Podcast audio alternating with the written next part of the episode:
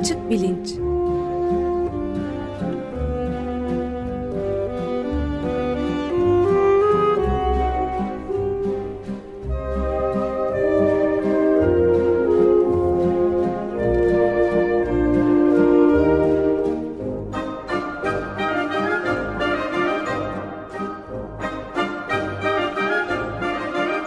Güven Güzeldere ile bilim ve felsefe sohbetleri. Merhabalar Güven Bey, günaydın. Günaydın Ömer Bey. Merhaba Güven Bey, günaydın. Günaydın Can. Evet, bıraktığımız yerden bir, birkaç hafta öncesinden başlayarak konuşmak istediğimiz ama bir türlü tamamlayamadığımız bir konuyu Einstein'ın beyni e, ortalama insanlardan daha büyük müydü konusu gibi çok aslında spekülasyon yapılmış üzerinde çok spekülasyon yapılmış bir konuyu nihayet e, tamamlama imkanımız olacak herhalde. Onunla, o, onu yapıyoruz değil mi? Evet, evet Einstein'ın beyni. Geçen hafta e, ucuna kadar geldik fakat e, başka beynimizin yüzde onunu mu kullanıyoruz e, sorusuyla ilgili e, meseleleri bitiremediğimizden e, Einstein'a doğru bir başlayamamıştık. Evet. Einstein biliyorsunuz 20. yüzyılın belki ikon haline gelmiş en e, çok tanınan, bilinen e, bilim adamı. Çok akıllı bir insan olduğuna şüphe yok. Şu soru sorulabilir o halde. E, Einstein'ın bizlerden farklı bir e, beyni vardı ve o sayede bu kadar akıllı bir insandı. Yoksa e, geçen haftaki temamızdan devam edecek olursak tam bizlerinki gibi bir beyni vardı ama biz yüzde onunu kullanırken beynimizin Einstein diyelim yüzde kırkını ya da yüzde yüzünü hepsini kullanabiliyordu filan. E, son birkaç haftadır beynimizin yüzde onunu kullanıyor olduğumuzun e, yalnızca bir şehir efsanesinden ibaret olduğunu iyi kötü e, tesis edebildik diye umuyorum. E, dolayısıyla beynimizin yüzde onunu kullanıyoruz, yüzde doksanını kullanmıyoruz. Kullansak kim bilir ne kadar akıllı oluruz falan gibi iddialar içi boş iddialar. Einstein'ın da e, beyninin yalnızca yüzde onundan daha fazlasını kullanıyor olduğu düşüncesi dolayısıyla yanlış bir düşünce olurdu. Tıpkı bizler gibi Einstein da beyninin hepsini yüzde yüzünü her an e, kullanmaktaydı. E, fakat haliyle Einstein'ın beyninde e, averaj ortalama beyinlerden bir farklılık olsa gerek ki e, Einstein'a bu e, sahip olduğu zihinsel kapasiteyi vermiş olabilsin. E, aslında Einstein'ın beyni e, meselesine e, takıntılı bir şekilde eğilen ve yıllardır e, bu konu üstünde bir şeyler yapmaya çalışan e, bir takım bilim adamları da var, bir takım e, gazeteciler de var. E, Einstein'ın beyni konusu kendi başına e, gerek e, neredeyse bir dedektiflik e, öyküsü e, gibi bir yandan da bir bilim tarihinde bir e, bölüm olarak belki e, ilginç bir yer tutuyor. Biraz onun için ondan bahsedelim dedik. E, biraz belki e, üzüntülü bir hikayesi de var. E, Einstein e, 1955 yılında yani 2. Dünya Savaşı bittikten yaklaşık 10 sene sonra e, e, Princeton'daki e, görevini sürdürmekteyken e, e, vefat ediyor. E, Einstein'ın beyninin e, öyküsü e, çok tartışmalı bir öykü. Önce aslında onu belki söyleyerek başlayayım. Ben burada birkaç değişik kaynaktan yararlandım fakat bu kaynakların içinde de birbirleriyle çalışan şeyler var. Dolayısıyla burada bir e, bilimsel bir makaleyi ya da felsefi bir argümanı değil bu sefer e, tam da üstünde anlaşma sağlanamamış bir tarihi e, hikayeyi aktarmaya çalışacağım. E, e, bir taraftan e, elçiye zeval olmaz diyelim eğer e, e, kullandığım kaynaklarda e, bir takım tutarsızlıklar varsa e, bu biraz kaynaklarla alakalı bir şey. E, iki tane kaynaktan yararlanıyorum. Bir tanesi Brian Burrell diye bir yazarın 2005 yılında e, yazmış olduğu Postcards from the Brain Museum isimli bir kitap. E, Beyin Müzesi'nden e, posta kartları. Bir tanesi de çok daha eskilerden bir Einstein biyografisi. 1970'lerin başında çıkmış. Einstein The Life and Times. Einstein'ın e, hayatını anlatan Ronald Clark isimli bir e, gazetecinin, e, biyografi yazarının e, yayınladığı bir kitap. E, bu iki kitap e, Ronald Clark'ın kitabı e, yakın zamanlarda 2011 senesinde e, yeniden düzeltilerek basılmış vaziyette. Bu iki kitaptan ben büyük ölçüde yararlandım. E, üstünde anlaşma sağlanan e, bir konu varsa o da Einstein'ın aslında e, ben öldükten sonra beynimi alın e, gazetecilik e, e, hikayelerine e, konu olacak şekilde ve yıllar boyu sürecek bir e, hal ile e, yapmadığınızı bırakmayın gibi bir isteğinin e, olmamış olduğu. E, Einstein aslında öldükten sonra e, bedeninin yakılmasını e, e, vasiyet ediyor ve bu vasiyet yerine getiriliyor gerçekten. Fakat e, Einstein'ın e, öldükten sonra otopsisini yapmakta olan e, anatomistlerden e, bir tanesi e, Thomas Stolz Harvey isimli bir e, anatomist. E, anladığım kadarıyla benim kaynaklarımın da büyük ölçüde söylediği kadarıyla kimseden izin almadan e, Einstein'ın beynini çıkartıyor e, kafatasının içinden. Çalıyor yani resmen. E, çıkarttıktan sonra kremasyona yani bedenini yakılmaya e, gönderiyor. E, bunu fakat bir şey olarak e, tutmuyor e, Thomas e, Stolzari. E, Einstein'ın oğluna e, söylüyor ve diyor ki ben e, bilimsel çalışmalar yapmak için Einstein'ın aklıyla, zihniyle, beyni arasında önemli bir e, ilişki olduğunu düşünüyorum. E, beynini bu sebeple bilimsel bir e, amaçla, niyetle çıkarttım. E, müsaade ederseniz e, kullanalım. E, Einstein'ın oğlu da e, böyle bu şekilde retroaktif bir şekilde belki pek istekli de olmasa bile e, kabul ediyor. E, peki ciddi çalışmalar yapıp e, ciddi bilimsel dergilerde yayınlanacaksa, bilime bir katkıda bulunacaksa e, peki öyle olsun diyor e, Hans Albert Einstein. E, fakat bir şekilde e, bu anatomist Thomas Sturz Harvey'in daha sonra Einstein'ın beyniyle ne yaptığı konusunu takip e, ailesi de aslında bir süre peşini bırakıyor. E, bu Thomas Sturz Harvey denen e, insan aslında çok ilginç bir kişilik. E, Einstein'ın beynini e, yaklaşık 240 e, küçük parçaya bölüyor. E, yaklaşık bir santimetre küp boyutunda, volümünde. Daha sonra içinde formalin diye bir madde olan bir tür e, selüloz karışımı içinde beyni saklıyor. Bu standart bir prosedür.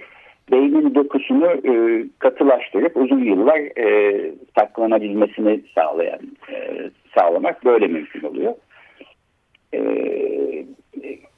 fakat hikaye e, e, burada bitmiyor. E, Harvey Bey, Einstein'ın beyninin parçalarının bir kısmını e, bazı tanıdığı e, önemli patologlara ve anatomistlere gönderdikten sonra büyük ölçüde kalanını iki büyük e, reçel kavanozuna e, koyuyor. Bu e, selüloid karışımın e, içinde e, ve kendisi saklamaya karar veriyor. E, fakat e, bir süre sonra Princeton'daki e, e, işinden kovuluyor e, Harvey. Dolayısıyla e, Princeton'ı terk ediyor. E, Philadelphia'ya yerleşiyor. E, Einstein beynini de e, bayağı beyinde getiriyor. İki büyük reçel kavanozu. Bunları da bir e, tahta kasaya ya da sandığın içine koymuş vaziyette. E,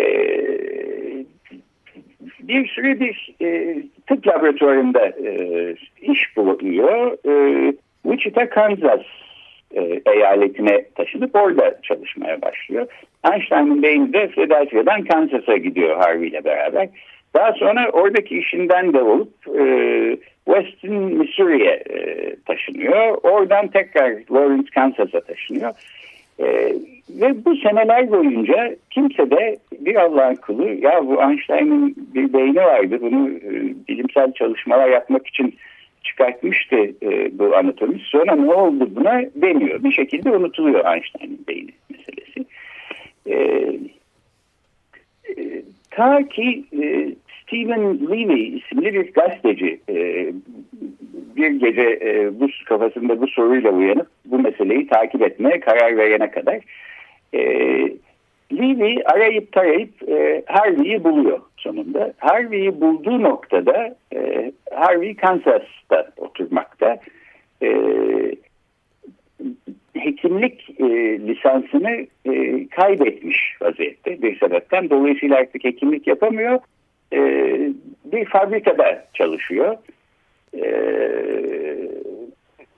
ve oturduğu küçük apartman dairesinde e, yatağının altındaki bir kasanın içinde iki büyük reçel e, kavanozunda Einstein'ın beyninin e, parçalarını e, evinde saklıyor. E, Levy, Stephen Levy bu konuda bir yazı yazdıktan sonra gazeteye yeniden e, Einstein'ın beyni konusu e, gündeme geliyor ve e, herkes Einstein'ın beyninin e, peşine düşüyor hukuki olarak nasıl bir statüye sahip olduğunu bilmiyorum bu beyin parçalarının. Fakat bir şekilde Harvey bu e, beyinleri, e, beyin parçalarını, Einstein'ın beynini elinde tutmaya devam ediyor. E, Einstein'ın ölümü 1955 senesinde demiştik. E, Levin'in ortaya çıkartması bu meseleleri 1980'lerin ortasına doğru. E, Levin'in makalesini okuyan e, anatomist e, bir kadın e, University of California Berkeley'de e, hoca e, Marian Diamond e, isimli birisi.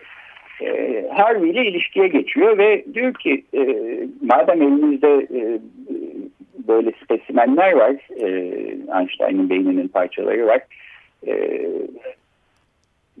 bir kolaborasyon yapsak ve birlikte bir e, e bilimsel çalışmayla Einstein'ın beynini incelesek.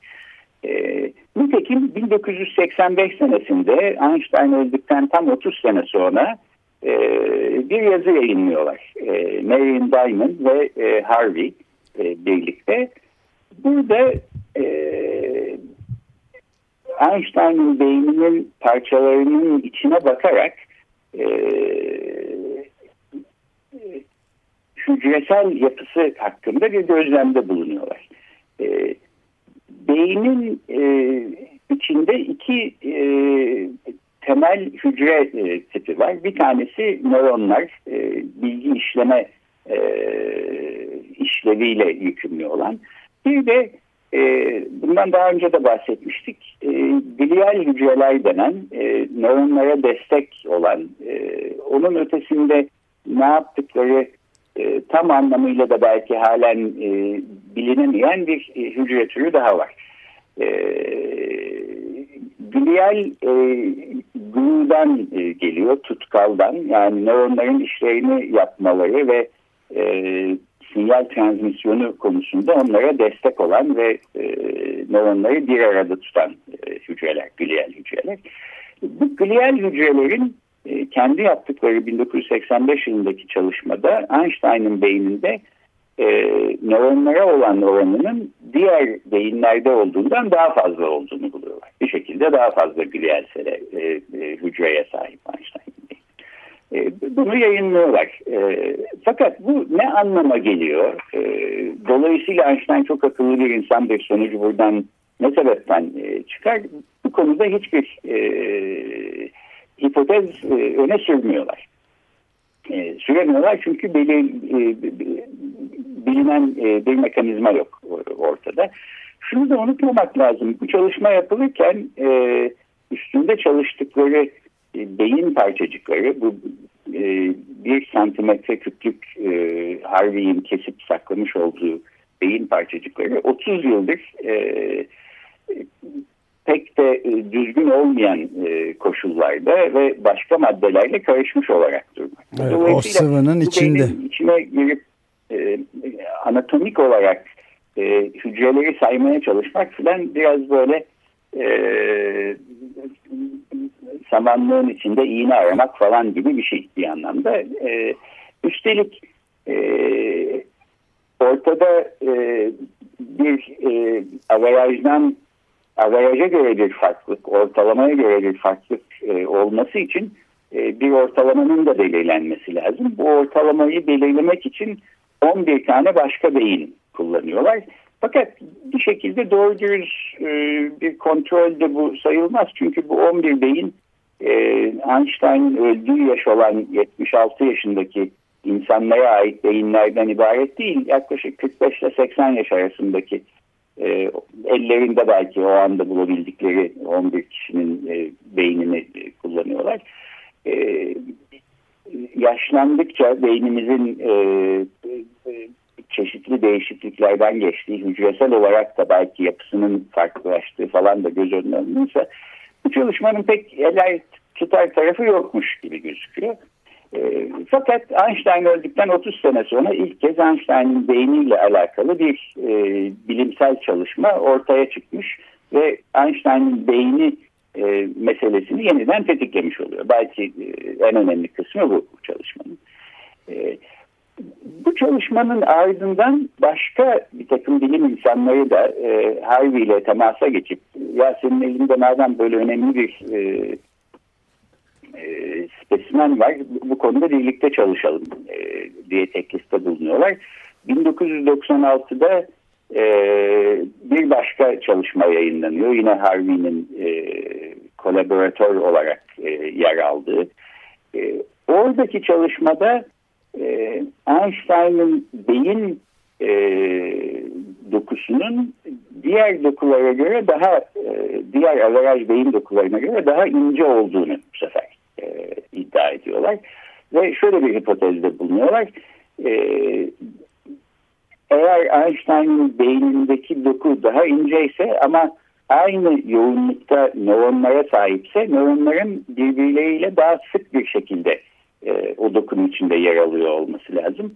E, birbiriyle daha yakın ve daha sık bir şekilde e, yer alan nöronlar aralarındaki mesafenin azlığından dolayı daha hızlı iletişim e, içinde bulunabilirler. Dolayısıyla Einstein e, daha hızlı ve çabuk düşünebilen bir insan olabilir gibi bir e, yine bence pek elarkitar tarafı olmayan e, bir hipotez öne sürüyorlar.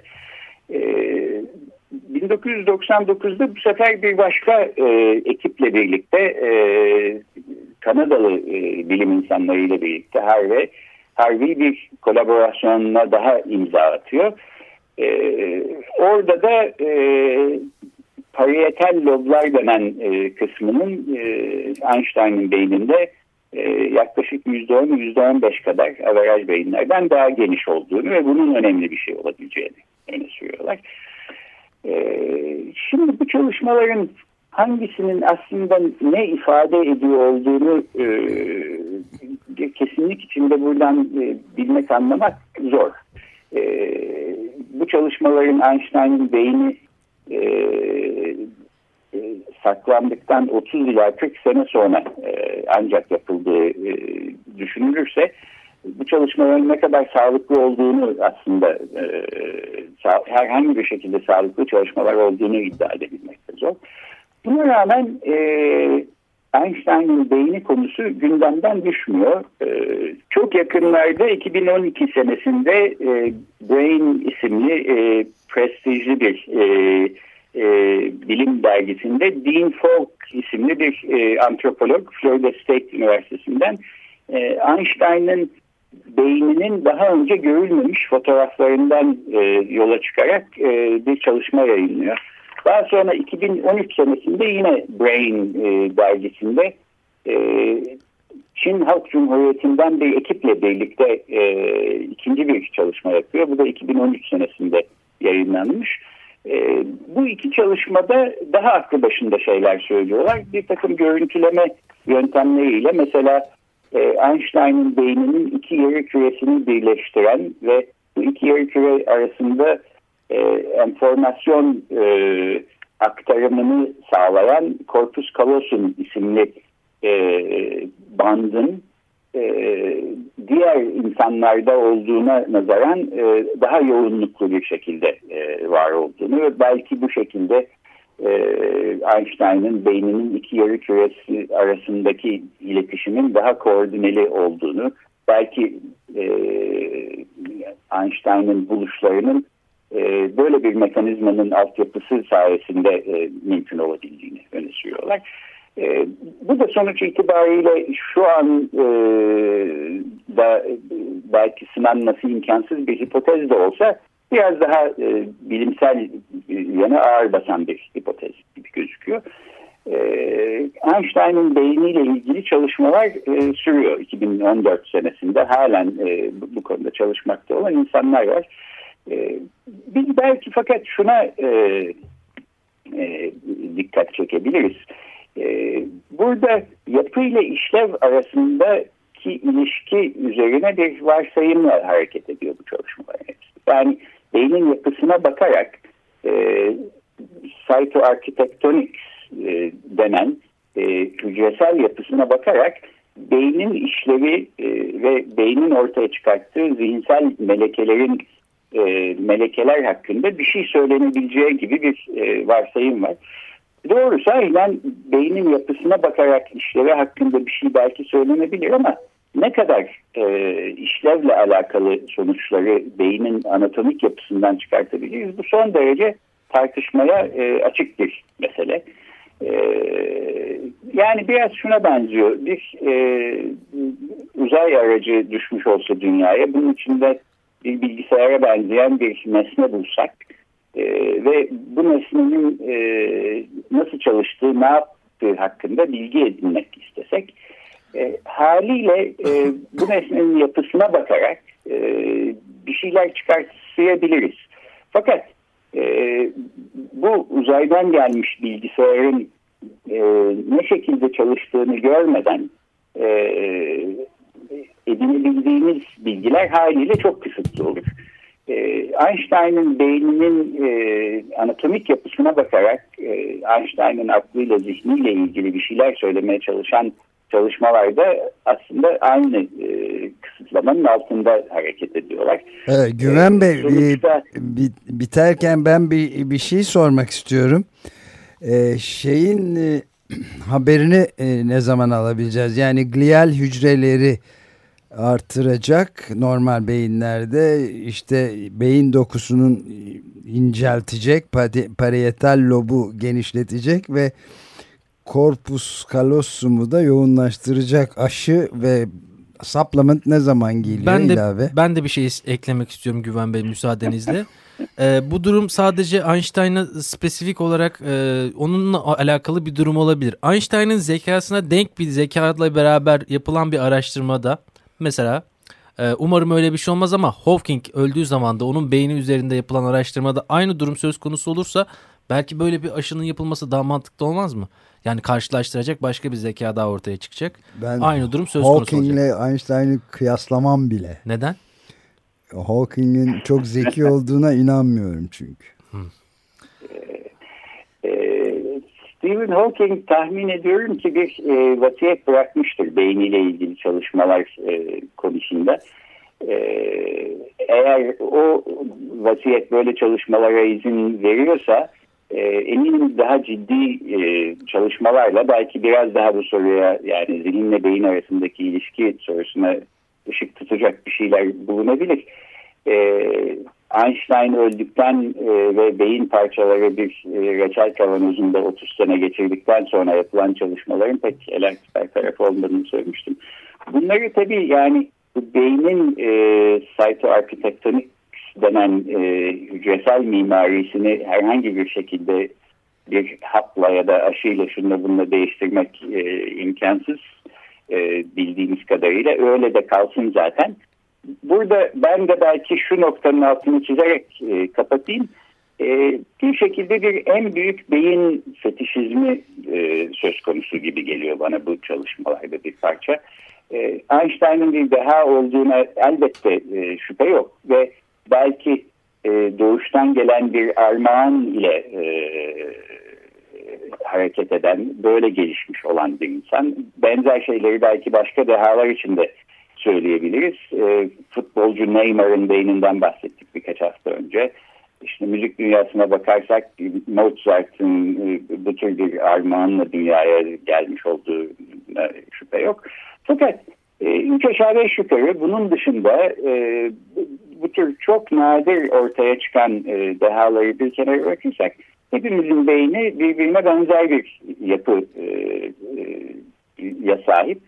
E, asıl halbuki önemli olan bu birbirine benzer yapıya sahip olarak başladığımız hayatta e, aldığımız eğitim ve e, içinde yaşadığımız, e, büyüdüğümüz kültür sonucunda e, bu beynimizin ne hale geldiği, içindeki işlevsel bağlantılarının ne şekilde değiştiği, e, yetişkinlerin beyinleri arasındaki e, yetişkin zamanlarındaki müthiş fark aslında çocukluktan itibaren başlayan bir fark e, değil, amplifiye olarak gelmiş olan bir fark.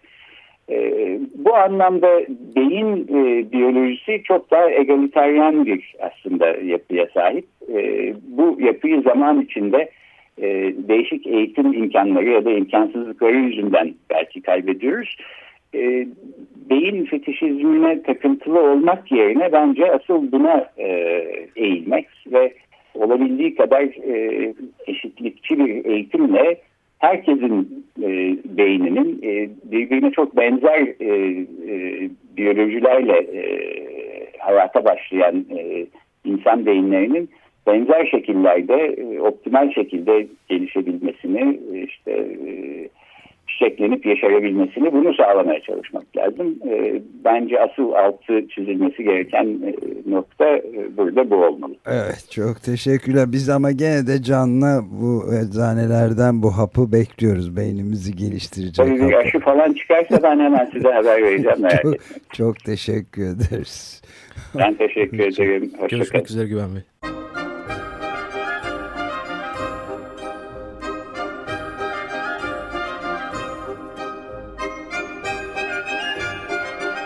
Açık Bilinç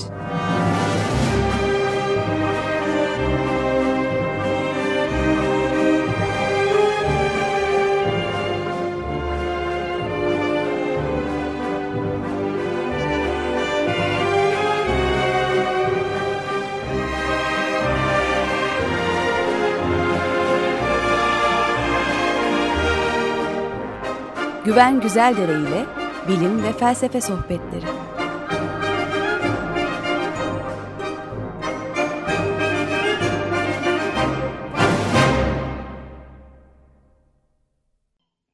Açık Radyo program destekçisi olun.